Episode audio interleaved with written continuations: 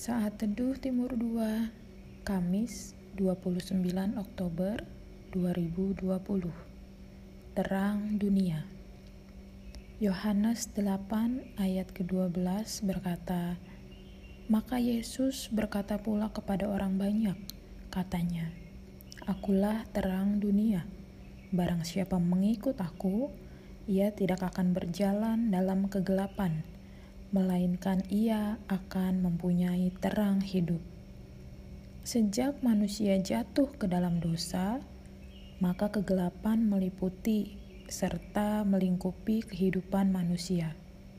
Suatu kondisi kelam di mana manusia tidak memiliki pengharapan dan sedang menuju kepada kebinasaan kekal.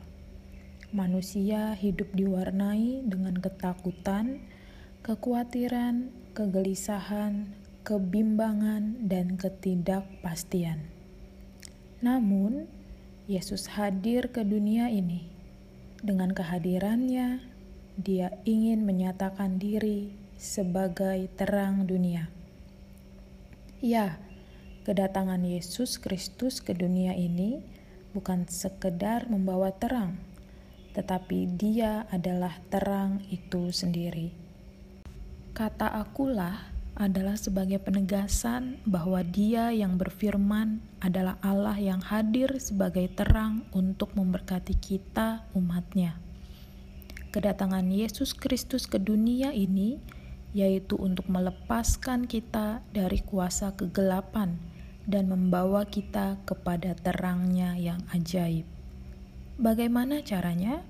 Yohanes 12 ayat 36a berkata, Percayalah kepada terang itu, selama terang itu ada padamu, supaya kamu menjadi anak-anak terang. Barang siapa mau percaya dan menerima Yesus sebagai Tuhan dan Juru Selamat, maka orang itu akan dipindahkan dari kehidupan kegelapan kepada kehidupan dalam terang. Status menjadi anak-anak terang diberikan kepada mereka yang percaya kepada Yesus Artinya mereka sudah mempunyai terang hidup, yaitu terang hidup yang daripada Yesus sendiri. Mereka akan berjalan dalam jalan terang yang Tuhan sediakan, sebab kegelapan telah dikalahkannya dan terang tersebut sudah datang atas kita, orang-orang percaya. Berbahagialah kita, orang-orang yang melihat dan percaya kepada terang, yaitu Yesus Kristus yang sudah datang ke hati dan hidup kita. Selamat menikmati hari yang baru. Tuhan Yesus memberkati.